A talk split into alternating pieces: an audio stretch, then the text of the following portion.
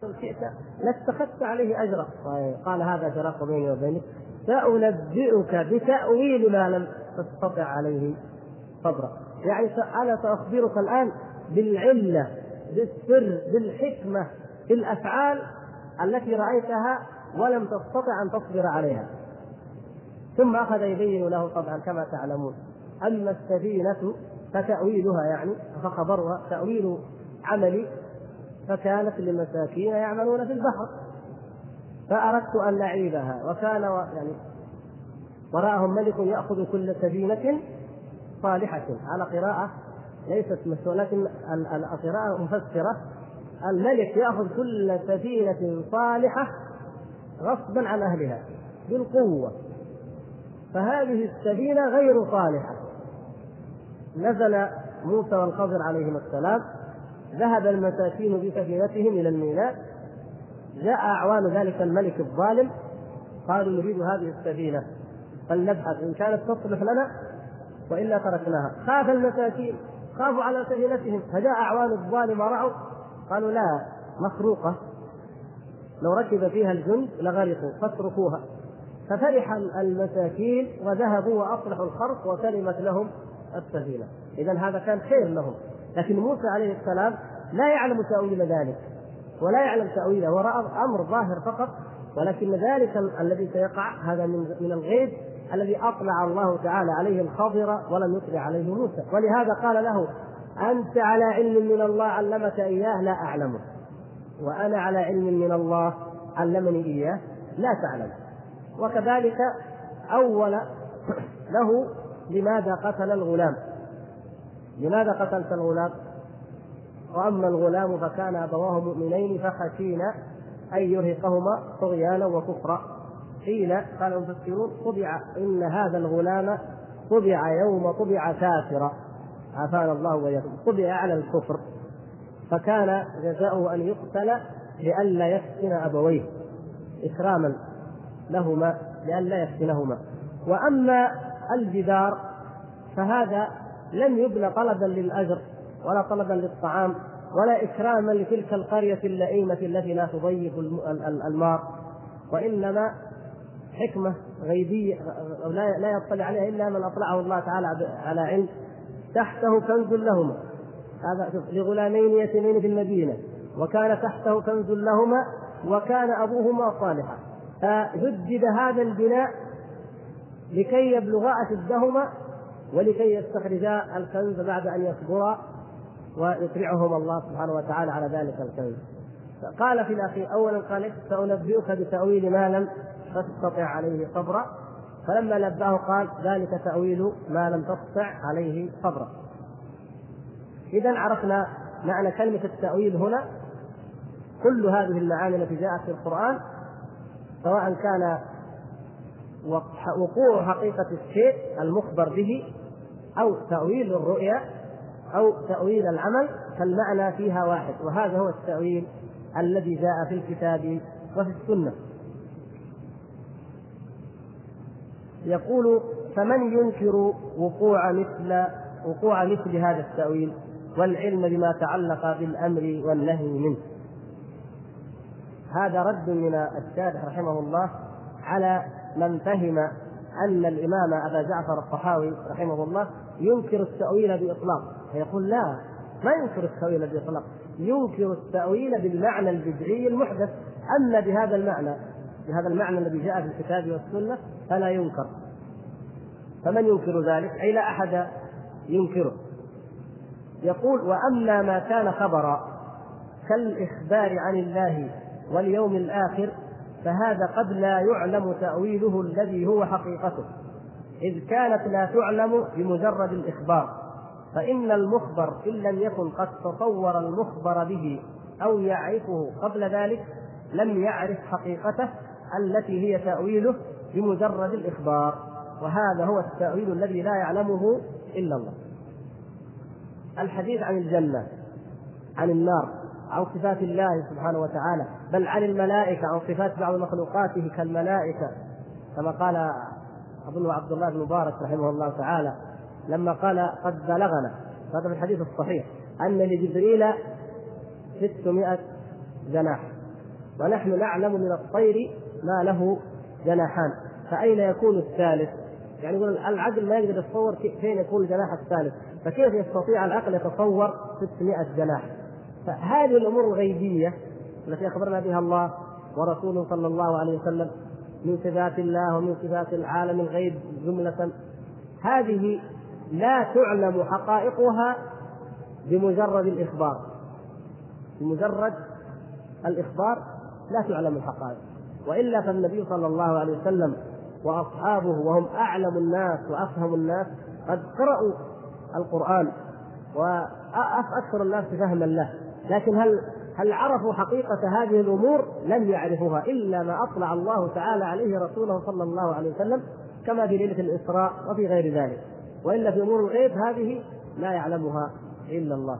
كما قال صلى الله عليه وسلم عن الجنة فيها ما لا عين رأت ولا أذن سمعت ولا خطر على قلب بشر. وكما قال جل شأنه فلا تعلم نفس ما أخفي لهم من قرة أعين. لا شيء لا يمكن أن نعلم. نفس مطلقا. لا نفس ملك ولا نبي ولا أحد يعلم ما أخفي لهم من قرة أعين وهي غاية النعيم. الذي تقر به العين تماما هو غاية النعيم. إذا هذا أمر هذا حاله لا لا يعلم بمجرد الخبر. طيب كيف نوفق بين كون نؤمن بالجنة والنار؟ مثلا نؤمن بأن الجنة فيها أنهار من عسل ومن لبن ومن خمر ومن ماء ومن كذا وفواكه وبين كوننا لا ندرك حقيقتها هناك قدر مشترك لفظي. هذا مر معنا في أول الشرح وإن شاء الله ما نسيتوه. اشتراك لفظي. الاشتراك اللفظي يدل على قدر معين يمكن الإنسان يعرف به الأمور يميز به هذا من هذا. يعني الله تعالى مثلا قال فيها فاكهة. ونخل ورمان. نحن لا نعرف لا الفاكهة ولا النخل ولا الرمان بالنسبة للجنة. كلها غيب. لكن نعرف من هذا اللفظ أن في فرق بين هذه النخل غير الرمان. النخل في الجنة غير الرمان. نحن نعرف نخل الدنيا. كيف نخل الآخرة؟ ما ندري. لكن في قدر معين من الاشتراك بين هذا النخل وذاك. نعرف رمان الدنيا. كيف رمان الآخرة؟ لا ندري. لكن في قدر معين. إنما مطلق المقصود إيش؟ الذي نحن متأكدون تماما منه أنه النخل غير الرمان كما أنه في الدنيا النخل غير الرمان. فتتميز الحقائق بعضها عن بعض ونحصل على قدر من من العلم والشوق والرغبة إلى هذا الشيء وإن كنا لا ندرك حقيقته الكاملة. ذهب الجنة زعفران الجنة فضة الجنة كل ذلك الحور العين فيها اللؤلؤ المرجان كل ذلك نعلم في الدنيا أشياء نعم ما هي إلا اسماء شيء يدلنا على معنى الآخرة. حتى قال بعض العلماء إن الله سبحانه وتعالى جعل في الأرض الأنهار وجعل الأشجار وجعل المروج وجعل النساء الجميلات وجعل هذه الأشياء لكي يستدل العاقل بها على نعيم الجنة. تذهب إلى بلد من البلدان وترى منظر ما كان يخطر على بالك إن في الدنيا هذا المنظر. من الجمال ومن الأشجار ومن الخضرة ومن المياه ومن الفاكهة. تندهش فهذا يعطيك عبرة. كيف لو رأيت الجنة؟ شيء هذا لا يمكن أن يخطر على بال أحد فضلا عن أن يرى. فهذه هذا هو القدر. ما فائدة القول بهذا الكلام. مهم جدا. معرفتنا لهذا القدر اللفظي المشترك تعيننا ضد المؤولين الذين من نوع آخر. اللي يجي الحديث عنه في الأخير. وهم الذين الذين الباطنية. الذين أولوا النعيم. مثلا يقولون فاكهة يعني الناس في الجنة يأكلوا فاكهة زي أكل هذا. هذا ما يليق أهل الجنة في نعيم روحاني عظيم جدا. هذا الفاكهة والكلام هذا ما له أصل بس للتقريب للأذهان. فينكرون الحقائق. ويقولون هذا عالم غيب وأنتم ما تدروا عنه. طيب أنتم تدرون أيضا عنه ما تدرون. لكن نحن بناء على ما نعرف من, من الألفاظ التي أنزلها الله سبحانه وتعالى وأن معانيها مرادة وإن كنا لا ندرك حقيقة مدلولاتها تماما لكن ندرك أن معانيها مرادة وأن هذه المعاني لها مدلولات حقيقية هي فوق ما نتخيل وفوق ما نعلم. هذا القدر نرد به على هؤلاء أمثال هؤلاء المعطلين الذين عطلوا النصوص جميعا. لم يكتفوا بإنكار الصفات بل أيضا أنكروا الحشر قالوا حشر روحاني. أنكروا نعيم الجنة نعيم روحاني أنكروا عذاب النار قالوا عذاب روحاني. إلى آخر ما أبطلوا به الكتاب والسنة. فأبطلوا الصلاة وأبطلوا الزكاة وأبطلوا صفات الله وأبطلوا الجنة وأبطلوا النار. ما بقي من كتاب الله عز وجل شيء. وهذا اللي قلنا لما حدثناكم عن أصل التأويل. تذكرون هذا إن شاء الله. إيش أصل التأويل؟ المجوس جو واليهود قالوا إذا قلنا هذا القرآن هذا القرآن باطل. قتلنا المسلمون. ونفروا منا وما صدقنا احد ما في مسلم يقبل هذا الكلام. اللي يقول القرآن هذا باطل عياذا بالله. لكن قالوا إيش؟ نجي نجرده من المعاني تماما. فإذا قرأ المسلم وأقيموا الصلاة لا. الصلوات الخمس هي علي وفاطم وحسن وحسين ومحسن مثلا. الزكاة أن تدفع المال للإمام المعصوم أو تمسك كذا الصوم حفظ أسرار الإمام المعصوم. الحج أن تذهب إليه. طيب. الجنة والنار هذا كله نعيم روحاني. هذا الحشر. طيب خلاص. ماذا بقي من القران؟ ما بقي شيء. أخرجوه الألفاظ موجودة ومكتوبة قد يطبعون المصحف لكن أخرجوه عن عما أراد الله تعالى منه. وبحيلة خفية دون أن يقولوا هذا باطل.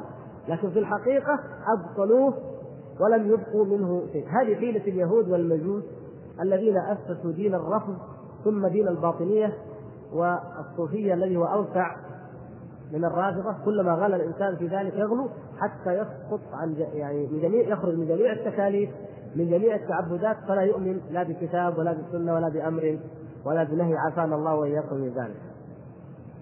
المقصود هو هذا فهذا التأويل الذي هو معرفة حقيقة ما يؤول إليه الشيء المخبر عنه في الكتاب والسنة لا يعلمه إلا الله لكن هل يلزم من نفي العلم بالتأويل نفي العلم بالمعنى؟ لاحظتم آخر الصفحة؟ يقول لكن لا يلزم من نفي العلم بالتأويل نفي العلم بالمعنى الذي قصد المخاطب إفهام المخاطب إياه. ثم وضح ذلك فقال فما في القرآن آية إلا وقد أمر الله بتدبرها. وما أنزل آية إلا وهو يحب أن يعلم ما عنا أن يعلم الناس أو أن يعلم ما عنا بها لاحظتم كيف؟ وإن كان من تأويله ما لا يعلمه إلا الله فهذا معنى التأويل في الكتاب والسنة وكلام السلف إذا مع قولنا بأن هذا لا يعلمه إلا الله حقائق الأشياء التي يولي إليها لا يعلمها إلا الله لكن هل يعني هذا أن معانيها لا تعلم؟ نعلم معنى الفاكهة معنى الرمان معنى النخل نعلم ذلك معنى الحور معنى العين معنى الأبكار معنى اللحم الطير مثلا في الجنة كل ذلك نعلمه. معنى استوى نعلمه معنى الجبار نعلمه القيوم العزيز الحكيم نعلم هذه المعاني. لكن حقائقها كيفية اتصاف الله عز وجل بها؟ لا نعلم الكيفية ولا ندخل فيها. كيف حصول هذا النعيم في الجنة؟ لا نعلم ذلك. هذا هو. فالمعاني إذا مفهومة ولا يلزم من نفي معرفة العلم بالتأويل نفي معرفة المعنى. هذا هذا هذه مهمة جدا يجب أن لا ننساها إن شاء الله. فما في القرآن آية إلا وقد أمر الله بتدبرها. يقول المفوضة نحن لا نؤمن لا نثبت أي شيء أي معنى من هذه المعاني. تقول له الرحمن على العرش استوى يقول الله أعلم بمراده. نفوض نفوض المعنى إلى الله. لا يؤمن باستوى ولا ينفي استوى الله أعلم. لله يد الله أعلم. نفوض. كل شيء قال ليش؟ قال يا أخي نحن نفوض ونقول الله أعلم لأن الله تعالى يقول لا يعلم تأويل وما يعلم تأويله إلا الله. والراسخون في العلم يقولون آمنا. آمنا به كل من عند ربنا. ونحن نتبع سبيل الراسخين في العلم. آمنا به. نؤمن بهذه الآية. استوى. نؤمن بأنها آية في القرآن. لكن لا نؤمن بأن لها معنى. ولا نفسر هذا المعنى. هذا هذا مبدأ مذهب خطير. خطير جدا. ونتيجة لجهل أكثر المتكلمين المتأخرين بهذا المعنى وقعوا في الحيرة. وقعوا في الاضطراب. منهم من أخذ هذا المبدأ وقال نحن نفوض. فكانوا مفوضة ومنهجهم خارج عن منهج السلف الصالح وباطل كما كما هو باطل مذهب المؤول وطائفة أخرى لما رأوا أن هؤلاء أحجموا وقالوا لا نثبت أي معنى من المعاني داموا هم قالوا لا اذا نحن نعرف هذه المعاني اذا نحن نعرف التأويل نعرف التأويل. ما يصح تقول ما يعلم تاويله إلا الله نحن نعلم التأويل أنتم ما تعلمون. نحن نعلم التأويل ولهذا أخذوا يؤولون في الآيات كما شاءوا. كيف تعلمون التأويل؟ قالوا نخرج وفق اللغة العربية وفق القواعد وفق كذا. والواقع أن كل منهما مخطئ من جهة وهذا الذي يجب أن نعلمه في آية آل عمران. لكن قبل أن ننتقل للآية عشان نمشي حسب ما رتب الشيخ يقول فهذا معنى التأويل في الكتاب والسنة عرفتموه. طيب. وسواء كان هذا التأويل موافقا للظاهر أو مخالفا له. يعني إن كان إن كان كلام الشارح كلام الشيخ هذا إن كان المقصود بكلمة هذا التأويل المعنى فما في نقاش معروف أن المعنى قد يوافق الظاهر وقد يخالفه. فهذا يعني الناس المفسرون الذين يتكلمون في معاني القرآن قد يفسرونه بمعاني توافق الظاهر أو تخالف هذا شيء آخر لكن المقصود أنهم يفسرون القرآن بمعاني ولا يفوضون ويقولون لا نعلم منه شيء وإن كان المقصود أن هذا التأويل أي وقوع حقيقة الشيء لاحظتم كيف؟ حقيقة الشيء وقوعه قد تكون موافقة لللفظ وقد تكون مخالفة فهذا الاحتمال أيضا قد يرد يعني كيف؟ أخبرنا النبي صلى الله عليه وسلم عن صفات الدجال مثلا. فأنا فهمت من ظاهر هذه الصفات معنى معين في الدجال. فلم فإذا وقع إذا ظهر الدجال وقدر لي أن أرى عافانا الله وإياكم نسأل الله أن يدركنا زمن زمن الفتنة. لكن لو رآها أحد وكان قد قرأ كلام النبي صلى الله عليه وسلم قد يقع التأويل خلاف الظاهر الذي كان مفهوما من ظاهر النص. فيعني يحتمل هذا المعنى أو ذاك لكن الأولى أن نرجع الضمير إلى إلى المعاني وليس إلى وقوع الحقيقة. لأنه كلمة الظاهر ما دمنا قلنا أن الظاهر معرفة الظاهر ومعرفة آه، ما عدا الظاهر سواء كان آه، هذا معنى راجحا أو مرجوحا هذه مسألة تعود إليه إلى الفهم وإلى الفقه وإلى الاجتهاد فهذا لا حرج أن يقع. ولهذا قلنا إنه حتى من تفسير الصحابة حتى التفسير الذي يأتي عن أصحاب النبي صلى الله عليه وسلم قد يكون منه ما هو خطأ قد يقع. لأن هذا فهم محض لو فهم أحد الصحابة. ولهذا تجد آية فهمها فهمها أحد الصحابة على وجه والآخر فهمها على وجه. ولا نستطيع أن نجمع بينهما فنرجح فهم هذا على فهم ذلك. كما في الأحكام معروف لديكم هذا الشيء. انه في الأحكام قد يكون الواحد مخطئ لكن له أجر والآخر مصيب فله أجران. فالمعنى هذا معاني القرآن قد تكون موافقة لظاهره أو مخالفة قد تكون خطأ وقد تكون صوابا. هذا بالنسبة لأفهام الناس. لكن في ذاته القرآن أو لا بد أن له مرادا يريده الله سبحانه وتعالى. لا بد أن أحد القولين خطأ. أو نقول بعبارة أخرى لا بد أن هذه الآية لها من يفهمها من العلماء. لا يمكن أن يكون في القرآن آية يخفى معناها ويخطئ في معناها يخفى معناها على جميع العلماء ويخطئ جميع العلماء في معناها. هذا لا يمكن. يقول والتأويل في كلام كثير من المفسرين كابن جرير ونحوه يريدون به تفسير الكلام وبيان معناه. ما في إشكال في هذا إن شاء الله. هذا واضح لكم. ابن جرير تأويل قوله تعالى كذا. قال ابن عباس يجيب سند إلى ابن عباس سند إلى سعيد بن جبير سند إلى جابر بن زيد سند إلى كذا. هذا هو إيش؟ التفسير. سواء وافق ظاهره أو خالف. زي ما قلنا مجرد إنه تفسير للكلمة. سواء وافق ظاهرها أو خالفها. وهذا اصطلاح معروف. وهذا التأويل كالتفسير أو يعني الذي بمعنى التفسير يعني يحمد حقه ويرد باطله. أيا كان. حتى كما قلنا ما دام قلنا ذلك في حق الصحابة فمن بعد الصحابة أولى. فيحمد حقه ويرد باطله. في تفاسير للباطنية للصوفية التفسير الإشاري التفسيرات الإشارية عن الصوفية. في تفسيرات المعتزلة كتفسير الزمخشري في تفسيرات للأشاعرة كتفسير الرازي والبيضاوي. فهذه التفسير منها حق ومنها باطل. فهذا إذا قلنا تأويل بعضهم حتى يسمي كتابه في تأويل القرآن يعني في تفسيره إذا التأويل في هذا بمعنى إيش؟ التفسير. فيؤخذ الحق ويرد الباطل.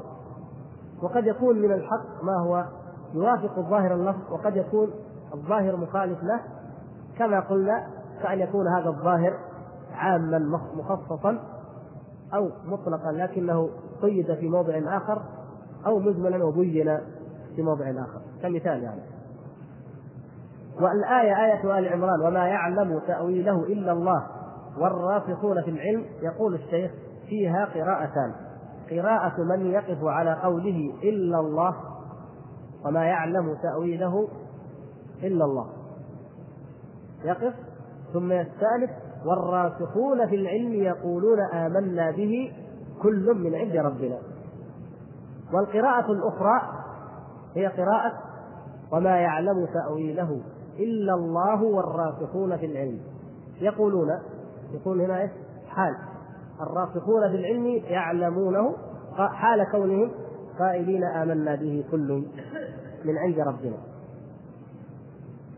فلك محمد تعرف القراءة لمن؟ الذين يقفون قراءة من؟ تذكر؟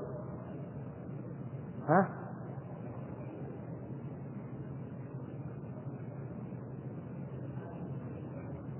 عام يعني قراءتان هنا بمعنى أداء وليس بمعنى خلاص جزاك الله خير فيعني الشيخ يقول قراءتان هنا بمعنى أداءان.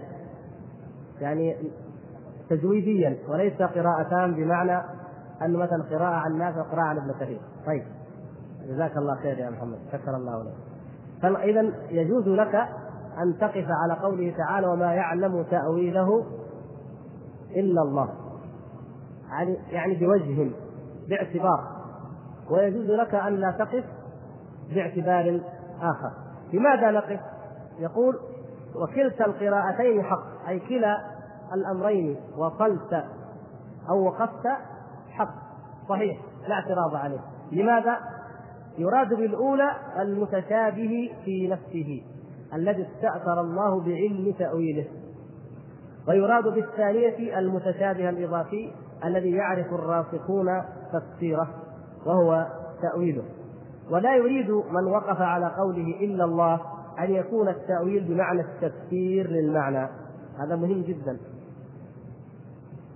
المقصود أن هذه الآية كما قلنا مما أشكل فهمه وتفسيره على كثير من الناس. ولكن نحاول إن شاء الله أن نقربها بأبسط صورة. طبعا منكم من قرأ الإكليل كما قلنا في أحد منكم قرأه ما شاء الله. طيب. الحمد يعني نسبة ضئيلة لكن يستوى على كل حال. طبعا الذين قرأوا الإكليل وجدوا صعوبة في الفهم بلا شك من حيث انك تدوخ لأني أنا دخت أكثر من مرة. فطبعا يعني القضية معقدة. لأنه كلمة التأويل لها عدة معاني. كلمة متشابه لها عدة معاني. والوقف كما ترون احتمالات فيضيع الواحد في يعني دوامة كيف نفهم هذه الآية وهذا المقصود بها. لكن يمكن يعني نبسط هذا فنقول إن الله سبحانه وتعالى ذكر أنه أنزل هذا القرآن على النبي محمد صلى الله عليه وسلم وأنه جعله على قسمين محكم ومتشابه. فسر السلف الصالح المحكم العلماء السلف كابن عباس وابن مسعود وسعيد بن جبير والحسن وكثير من مفسري السلف. كما في الدر المنثور مثلا أول الجزء الثاني من الدر المنثور لأنه جعل الجزء الأول لسورة البقرة. الجزء الثاني من الدر المنثور ينقل الماثور سواء كان عن ابن جرير عن ابن أبي حاتم عن البيهقي مثلا البغوي الحاكم أبو الشيخ أي مفسر روى ذلك النسائي إلى آخره. الذي روى بالسند. فينقل لك الأقوال في ذلك.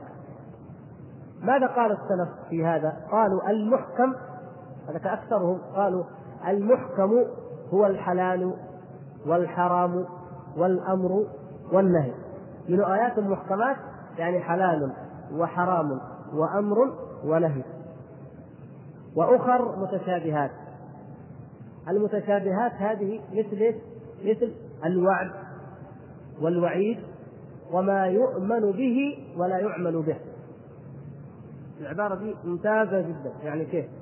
كثيرا من من السلف كما أيضا في الدر المنصور لأنه جمع المأثور وغيره يقولون يعبرون عن أنفسهم عن حالهم مع كتاب الله عز وجل. ماذا يقولون؟ يقولون نعمل بمحكمه ونؤمن بمتشابهه. أيوه. نعمل بمحكمه ونؤمن بمتشابهه وأوصوا تلاميذهم كان بعضهم يقول إيه؟ اعمل بمحكمه وآمن بمتشابهه وتدبر أمثاله وأقسامه. فبعضهم يقول إذا المحكم هو الحلال والحرام والأمر والنهي أي ما نعمل به نحن. وأقيموا الصلاة وآتوا الزكاة. ثلاثة والمطلقات يتربصن مثلا ثلاثة قروء مثلا. هذا حكم. إذا طلقتم النساء فطلقوهن لعدتهن. مثلا فكفارته إطعام عشرة مساكين. آيات في الأحكام. هذه نعمل بها. في الأو... أيضا في الأوامر والنواهي كما في آيات الحكمة من سورة الإسراء. النهي عن الإسراف النهي عن التدبير النهي عن الكبر النهي عن الحقد النهي عن الغل هذه الأوامر نعمل بها. هذه المحكم. والمتشابه هو مثل إيش؟ مثل الوعد. مثل الوعيد. مثل الأمثال. الأمثال كثير من الناس ما يفهم شو مراد بأمثال القرآن. مثل الأقسام. أمثال وأقسام وكثير هذه أمور لا يفهمها كل أحد. ما موقفنا نؤمن بها. كل من عند ربنا. هذا قول أكثر السلف. بعض السلف الصالح رحمه الله قالوا المحكم هو الذي لم ينصر والمتشابه المنسوخ. وهذا هذا جزء في الحقيقة جزء من ذلك. لأن الإحكام قد يقابل النص. مثلا سورة المائدة. إذا قرأتم مثلا أم المؤمنين عائشة رضي الله تعالى عنها كما روى الحاكم وصححه والنسائي عنها أنها قالت هذه السورة إنها من آخر ما نزل فما وجدتم منها من حلال فأحلوا وما وجدتم من حرام فحرموا أو فإنها محكمة. يعني سورة المائدة محكمة. ما في ما في سورة المائدة حكم منسوخ. من آخر ما نزل. محكمة يعني غير منسوخة. بخلاف في آيات أو في سور نزلت من قبل قد يكون فيها آيات منسوخة. الحكم. إذا المحكم يأتي بمقابل المنسوخ كما في أصول الفقه المحكم والمنسوخ. ولكن المحكم إذا جاء المحكم مقابل المتشابه فمعنى المحكم الذي لا يحتمل إلا معنى واحدا. معنى واحدا. أو هو الأصل كما نقول النص الواضح الجلي. والمتشابه ما يلتبس معناه ويخفى. ما يلتبس معناه وما يخفى. فأما الذين في قلوبهم زيغ فيتبعون ما تشابه منه. طبعا هنا لا يرد لا يرد يتبعون المنسوخ. يتبعون ما تشابه منه يعني مثل الوعد والوعيد والأمثال والأقسام وأمثال ذلك مما قد يدق معناه ويخفى معناه. ابتغاء الفتنة وابتغاء تأويله. ولهذا قال بعض السلف وروي مرفوعا عن النبي صلى الله عليه وسلم لكن لا يصح رفعه أنهم الخوارج. الخوارج. فسرها مفسرون من السلف بأن قال الذين يتبعون ما تشابه منه إيش؟ الخوارج. أم المؤمنين في الصحيحين قالت لما قرأت هذه الآية قالت فإذا رأيت الذين يتبعون ما تشابه منه فأولئك الذين على الله فاحذرهم. وكأن أم المؤمنين عائشة رضي الله تعالى عنها تشير إلى الخوارج إلى الحرورية. يتبعون ما تشابه منه. كيف؟ مثلا قالوا ومن لم يحكم بما أنزل الله فأولئك هم الكافرون. قاضي من قضاة المسلمين خالف أمر الله عصى الله في مسألة. قالوا هذا كفر. واحد من المسلمين شرب الخمر. قالوا هذا كافر. خلاص ليش كفر؟ قالوا لأن معصية الله تعالى كفر. ومن يعص الله ورسوله فقد ضل ضلالا مبينا. والضلال المبين هو الكفر كما في آيات أخرى. إذا هذا كافر. فاتبعوا ما تشابه أي ما يدق فهمه وما يحتمل عدة معاني. ولم يردوها إلى المحكم. لو ردوها إلى المحكم لوجدوا أن في كتاب الله إن الله لا يغفر أن يشرك به ويغفر ما دون ذلك لمن يشاء. محكم بمعنى إيش؟ غير منسوخة؟ لا. بمعنى واضحة جلية لا التباس في معناها ولا لبس فتلك التي قد يشتبه معناها. الضلال المبين الضلال البعيد يطلق على الكفر. نعم. يطلق على المعصية ضلال؟ نعم. يطلق الضلال على الكفر ويطلق على غير المغضوب عليهم ولا الضالين. الضالين هم إيش؟ الكفار اليهود مثلا. كما فسرها كثير من السلف. إذا يطلق عليهم. والضالين أيضا الخارجين عن السنة إلى البدعة. لا كما قالوا إنا لضالون.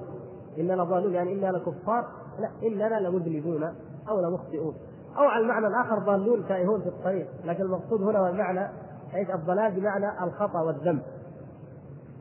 الضلال يأتي بمعنى كذا ومعنى كذا. لكن هذه الآية محكمة. إن الله لا يغفر أن يشرك به ويغفر ما دون ذلك لمن يشاء. محكمة.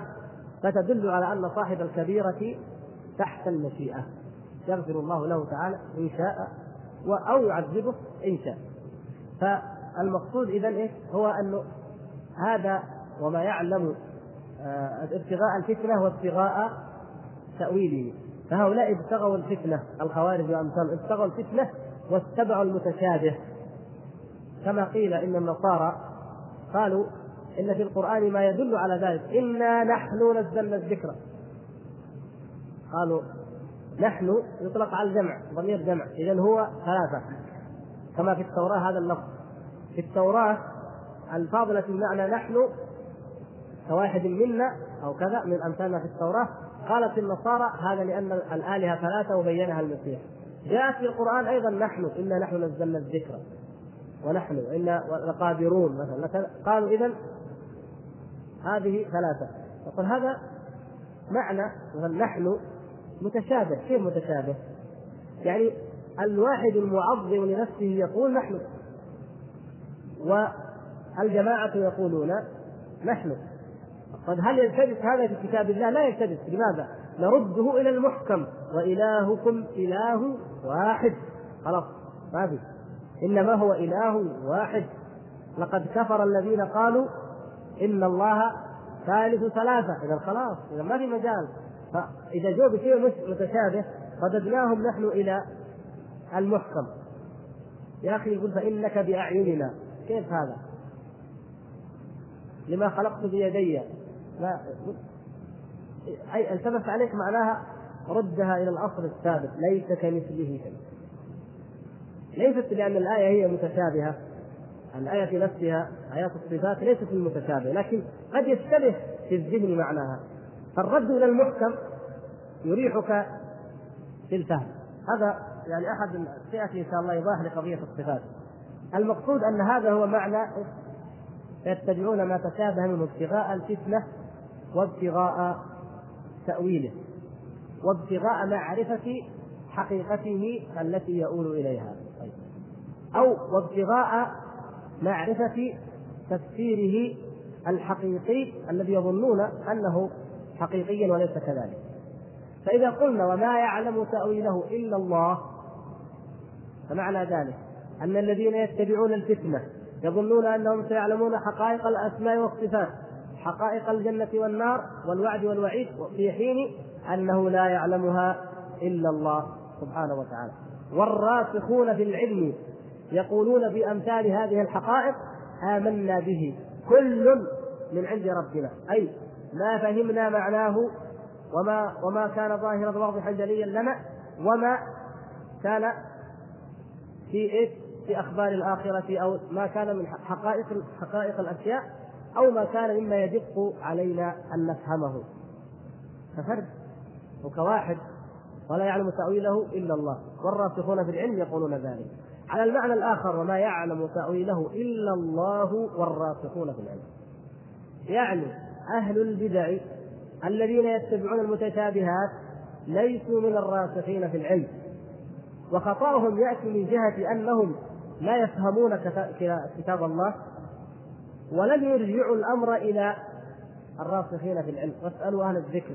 فالله تعالى يذمهم بالجهل ويعيب عليهم أنهم لا يعلم هذا التأويل تأويله لا يعلمه إلا الله والراسخون في العلم. وأولئك الذين يتبعون الفتنة ليسوا من الراسخين في العلم.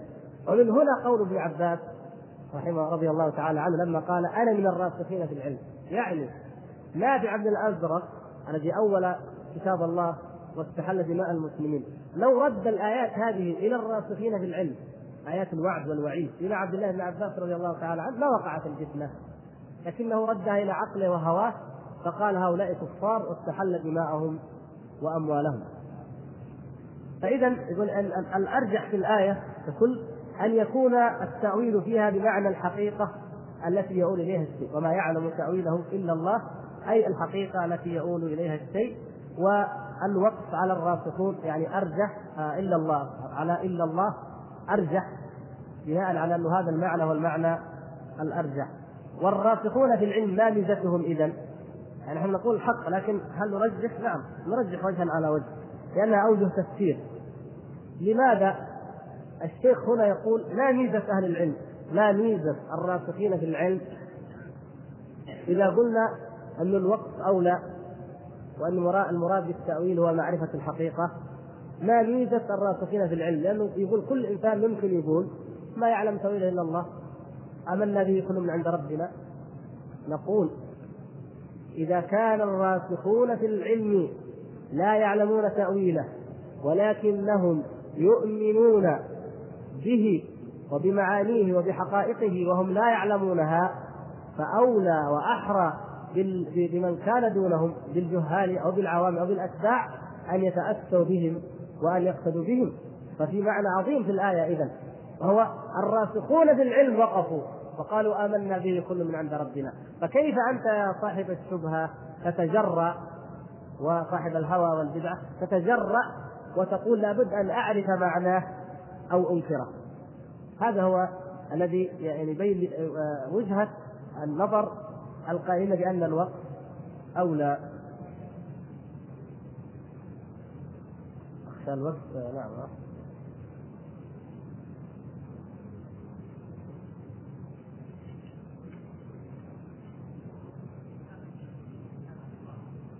أيوه أحسنت.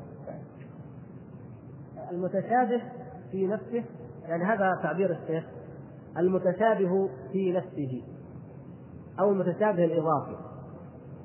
المتشابه في نفسه الذي لا يمكن أن يعرف معناه أحد لأنه هو في ذاته متشابه.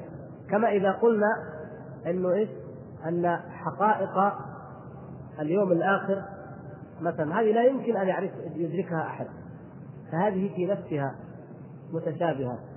أي يدق يدق معناها. لاحظتم معنى المتشابهة؟ يدق معناها.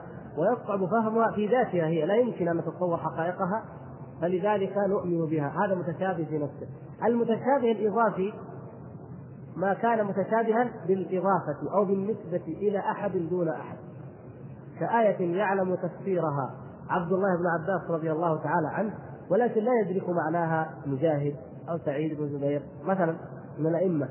فهكذا. فهذه المعاني في القرآن ما يدق معناه لا بالنسبة لكل أحد ولكن بالنسبة لأناس دون أناس فقد يفهم معناها وقد يدرك تأويلها والمراد بها. كما في عدة أصحاب الكهف مثلا كما قال عبد الله بن عباس رضي الله تعالى عنه واستنبط ذلك منها لأن الله تعالى قال سيقولون ثلاثة رابعهم كلبهم ويقولون خمسة سادسهم كلبهم رجما بالغيب ويقولون سبعة وثامنهم كلبهم. قل ربي أعلم بعدتهم ما يعلمهم إلا قليل. هذا إيش؟ متشابه إضافي. يعني يدق معناه ولا يفهم لكن قليل من الناس قد يعلم. بالإضافة إلى أكثر الناس لا غير معلوم. بالإضافة إلى بعض الناس قليل معلوم. قال أنا من القليل. لأنه قال في الثلاثة رابعهم كلبهم والخمسة سادسهم كلبهم رجما بالغيب.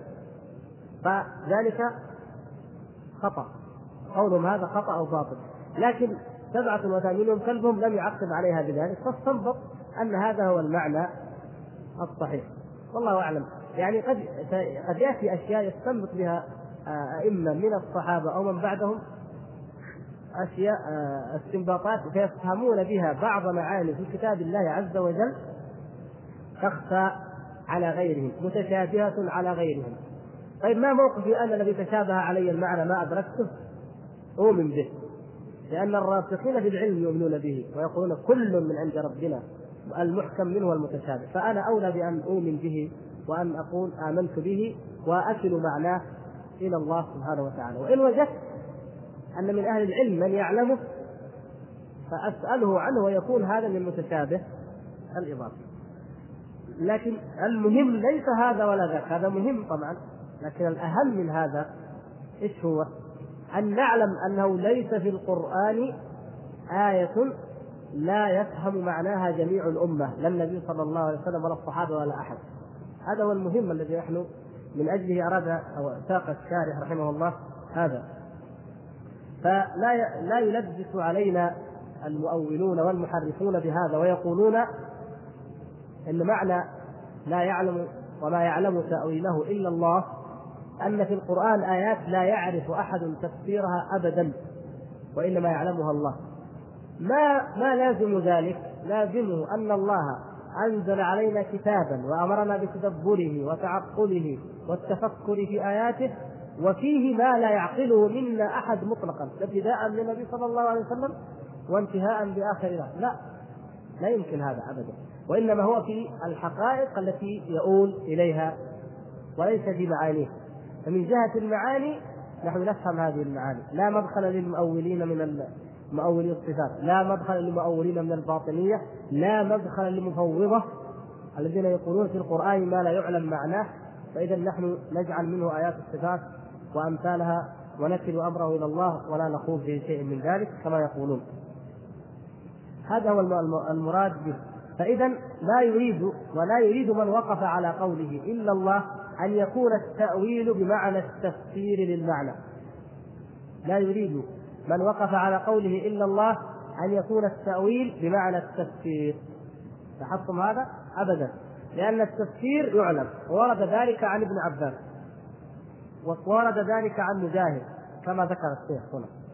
أنه عرض المصحف على ابن عباس يوقفه عند كل آية يسأله عنها ويجيبه على معنى إذا فالقرآن بالنسبة للمفسرين وللعلماء معلوم كله. وإن كان هذا التفسير قد يكون فيه خطأ والصواب هذا شيء آخر. خطأ والصواب بالنسبة إلى الأشخاص. لكن الأمة في مجموعها تعلم القرآن كله ولا تخطئ في فهم آية منه وليس فيه كله ما يلتبس ما, ما لم يرد الله تعالى منهم أن يفهموا معنى هذا في المعنى. وأما في الحقائق التي يؤول إليها وهي من أمر الغيب فهذه لا يعلمها إلا الله سبحانه وتعالى. ونسال الله أن يختم لنا ولكم بالخير وأن يفقهنا في الدين.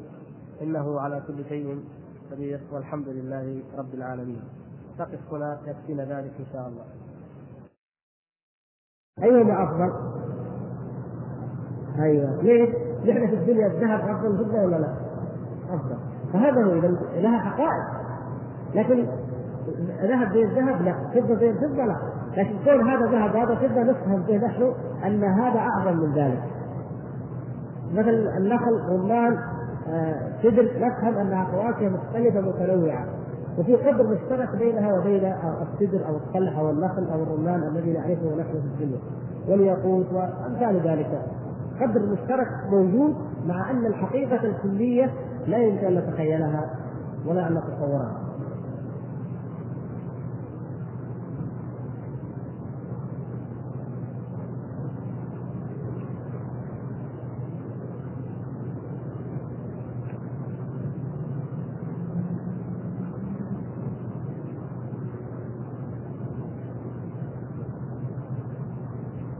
هل الغلام الذي قتله الخضر عليه السلام في النار؟ نعم خشينا أن يرهقهما طغيانا وكفرا. ولهذا قال من قال من المفسرين إن هذا الغلام طبع كافرا. طبع كافرا. نعوذ بالله منه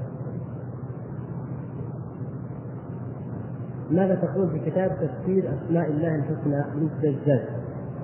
أنا ما قرأت الكتاب. من الاخ اللي سال يكون موجود وأنا عرفت إنه طبع لكن الحقيقة ما اشتريته. فلو جزاه الله خير يدلنا عليه طيب. لكن تفسيرات الزجاج موجودة في كتب التفسير هو رجل من علماء اللغة. وهو بعيد عن التأويل يعني عن المناهج البدعية عن عن الاعتزال وعن البدع الأخرى. هو بعيد عنها في الجملة.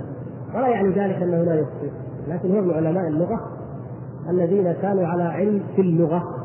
ولم يتبعوا منهجا من المناهج البدعية. هذا الذي أنا أعرفه من سيرة الرجل. وكلامه منثور في كتب التفسير. لكن حقيقة حصولنا على الكتاب ككتاب شيء طيب. نسأل الله تعالى أن نحصل عليه إن شاء الله إذا كان قد خرج. وأظنه نعم يعني طبع لكن أنا ما ما عندي يقول الأخ سمعنا من أحد العلماء أن صفات الله عز وجل الذاتية لا تتجدد. ولكن آحادها تتجدد. أرجو توضيح ذلك مع الأمثلة. صفات الله الذاتية لا تتجدد لكن آحادها. كيف تكون آحادها؟ هذا الأخ يعني الأولى أننا أنه يأتينا بالنص إن كان كتابيا نقرأه وإن كان سمعيا نسمعه أو لفظيا نسمعه. لأن قد يكون التبس عليه بين الصفات الفعلية والصفات الذاتية معنى التجدد فلا كلام غيرنا ما نقدر نتكلم فيه إلا إذا كنا متأكدين منه. حتى لا يقال إنه خطا فلان أو صوب فلان. يمكن يكون أنا أفهم من الكلام خطأ. وقاله أحد العلماء الأجلاء وما هو مخطئ. أو أنا أخطئه خطأ. أو يكون قاله مبتدع والوجه اللي كتبه الأخ هنا ما جاء بالعبارات كلها يكون كلام صواب. يقول هذا الكلام صح. بينما المبتدع يريد به معنى باطل أو معناه أو ألفاظه أيضا باطلة فأرجو من الأخ هذا يجيب لنا إن شاء الله. ثانيا قرأت في أحد الكتب ترجمة لابن رشد وكان فيها إن ابن رشد كان من أوسع الفلاسفة الإسلاميين في العلوم الماورائية. وما هي العلوم الماورائية؟ هم يسمون عالم الغيب يسمونه ما وراء المادة هم لا يؤمنون بالغيب يؤمنون بالمادة. ويسمون العالم الآخر ما وراء المادة. أو يسمون العالم الطبيعة والغيب المشهود عالم الشهادة يسمونه العالم الفيزيائي أو الفيزيقي. ويسمون العالم ما وراء الفيزياء ما وراء الطبيعة العالم غير المشهود يسمونه الميتافيزيقيا. اصطلاحات فالمقصود أنه كان من أوسع الفلاسفة الإسلاميين كما يقول على حد تعبيره في العلوم فيما وراء المادة في علوم الميتافيزيقيه هذا هو. وطبعا تعرفون خطأ قوله الفلاسفة الاسلاميين لأنه ليس في الإسلام فلاسفة ولا فلسفة. هل النار تفنى وهل كان ابن تيمية وتلميذ ابن القيم يميلون إلى القول بفناء النار؟ وأيضا أخ آخر سأل. أو سؤال قريب من هذا. لكن بصيغة الجزم أنه إن ابن تيمية يقول كذا. فنحن نقول لهؤلاء الأخوان من عثر على كلام من شيخ الإسلام ابن تيمية في فناء النار فليدلنا عليه؟ وقد قلت لكم في جواب سابق أنني أنا ما ما أقول اني أنني انفي انه أنه يوجد في كلام شيخ الإسلام لكن بحث أحد الأخوان في رسالة خاصة بهذا الموضوع ما وجد من شيخ الإسلام كما أخبرني شيء يثبت ذلك. فالأمر يرجع إلى من؟ إلى الأخ الذي قال الذي يقول هذا عليه أن يثبت. أما كلام ابن القيم رحمه الله في فهو في مختصر الصواعق المرسلة. في الصواعق طبعا لكن المطبوع الآن هو المختصر بل أبشركم أن الصواعق حققت وأنها الآن تحت الطبع أو يمكن قد تكون خرجت ولم أعلم. إن شاء الله يعني تكون خرجت وهي كتاب عظيم. ففيه رأي ابن القيم في الموضوع. والكلام عن الفناء قديم في عهد الصحابة. وهل الفناء المقصود به فناء النار ككل حتى لا يبقى كافر ويفنى أو المقصود فناء نار العصاة لأنها يخرج العصاة الموحدون يخرجون ولو بعد حين احقاب ولو ملايين ما شاء الله يعذبون ما شاء الله لكن ما داموا موحدين لا يخلدون في النار. فتخلو نار العصاة. فلا يبقى لوجودها معنى. وأما نار الكفار فإنها على القول الصحيح الذي يجب أن يقال فيه هو أن نار الكفار باقية بعموم النصوص لكن القائلين بالاحتمال الآخر كما تذكرون أنني قد قلت هذا أكثر من مرة خاصه القديم الذي يذكره على أنه قول من اقوال علماء السلف هذا حتى في هذا الكتاب موجود. على أنه قول. بغض النظر عن كونه راجح أو مرجوح لكن قول يعتبر يعتد الذي يذكره على سبيل التشهير واحد يقول أنتم تقرؤون ابن تيمية وابن القيم تعتبرون كلامهم حجة يقولون ما أعتقنا. كيف تأخذ كلامه؟ أنا قد قلت هذا وأقوله الآن. الذي يقول هذا على سبيل التشهير أنا أطلب منه أن يأتي يقرأ الصواعق ويكتب ردا علميا على الاوجه التي ذكرها ابن القيم فقط. هذا هذا الرد الصحيح. هذا إذا كان نريد ان نكون طلبة علم حقيقيين ما نشاهر بأئمة. نقول قال كذا ورده كذا قال كذا وجوابه كذا. لكن الناس نحن نعلم أنهم أعجز من أن ينقضوا هذا الكلام. لا يعني كنا بالعلم الصراحه وبينا كلنا هذا حالتنا يعني علماءهم الذين ينقلون هذا الكلام لا يستطيعون أن يردوا أن ينقضوا هذه الاوجه ومع ذلك يقولون خارجون عن الإجماع وان ماتوا على ذلك فهم كفار والعياذ بالله. قالوا حتى التكفير واظنكم قراتم هذا وسمعتم عنه في قضية حصلت في أحد البلاد. يكفر ابن تيمية وابن القيم رحمهم الله تعالى من أجل هذه المسألة. آه آه تعلمون يا إخوان منهج أهل السنة والجماعة العدل وفي الحق. من يقول أن ابن تيمية يخطي أو ابن القيم له خطا لا حق له في كتاب كذا جانب الحق وأنا وجدت أدلة من الكتاب والسنة غير ما قال يحق له أن يقول ذلك ولا عصمة لأحد غير رسول الله صلى الله عليه وسلم. ويكتب هذا في كلام علمي ويعرض على العلماء وقد قد صوب رأيه ما في شيء ما في شيء ابدا. لكن على سبيل التشهير والتنفير والتفكير فقط هكذا بدون علم يقول لك قال ابن تيمية في أي كتاب ما يذكر في أي كتاب. وبعدين يشهر فقط ويكفر ولو جبت لنا الأدلة زي ما قلنا اللي في الصواعق ما يجوز يرد عليها. فيضطر لكي يرد عليها مثلا أو أو يبين إنها مرجوحة يضطر يرجع إلى ما قاله علماء السلف نفسهم. يقول أيوه تعال أنت الآن احتجت علماء السلف خذ عنهم كل شيء. ما تأخذ عنهم بس اللي يعجبك. فقط عشان تشهر بعالم منهم هم. رد بكلام رد على كلامه بكلامهم. لا. خذ منهجهم في كل أمور العقيدة. وبعد ذلك نقول لك على العين والرأس إذا قلت أن فلانا منهم أخطأ وخالف كلامهم ونقبل كلامك هذا ليس لأنك أنت جئت به ولا مشايخك نقبله لأنه لأنك أسلفت إلى علماء السلف. أسلفت إلى كتاب الله وسنه رسول الله صلى الله عليه وسلم. هذا مرجعنا نقبل الذي يأتينا بها ايا كان هذه النقطة اللي يعني ينبغي أن نعرفها في أمثال هذه الأمور.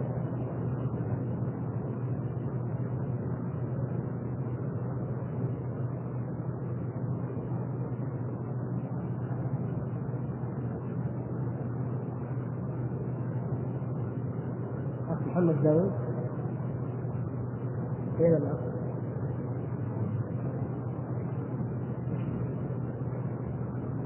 تكتب عنوانك في مكة اكتب عنوانك في ها؟ ما في أحد يعرفك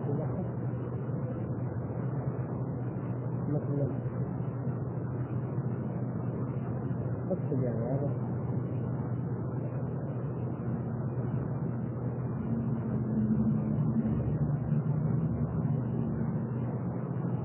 أي هذه الورقه نعم. انه الأخ يقول هذا سؤال خارج عن الدرس. طبعا خارج وهو هل رجع شيخ الإسلام تيمية وابن القيم عن القول بفناء النار ومعلوم أن له قولين وهو متقدم وهو متاخر مع العلم ان الشيخ عمر الأكثر يذكر رجوعه بقرائن آه، معنويه والشيخ الألباني في مقدمته يحث الافكار يعني هذه ورقه المقصود أننا نتأكد اولا من نسبة القول.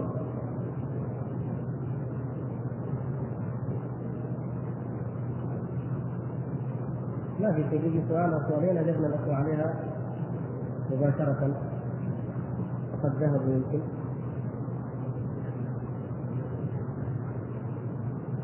لا تليفون يا كان طيب إحنا فين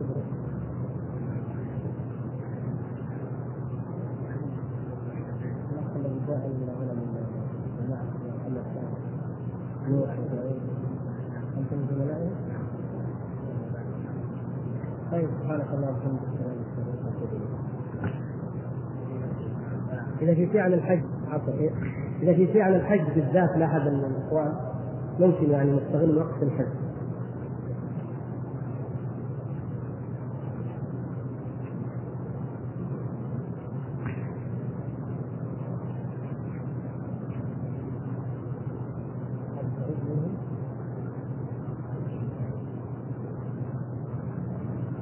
لا يعلم مترجم مع الشوارع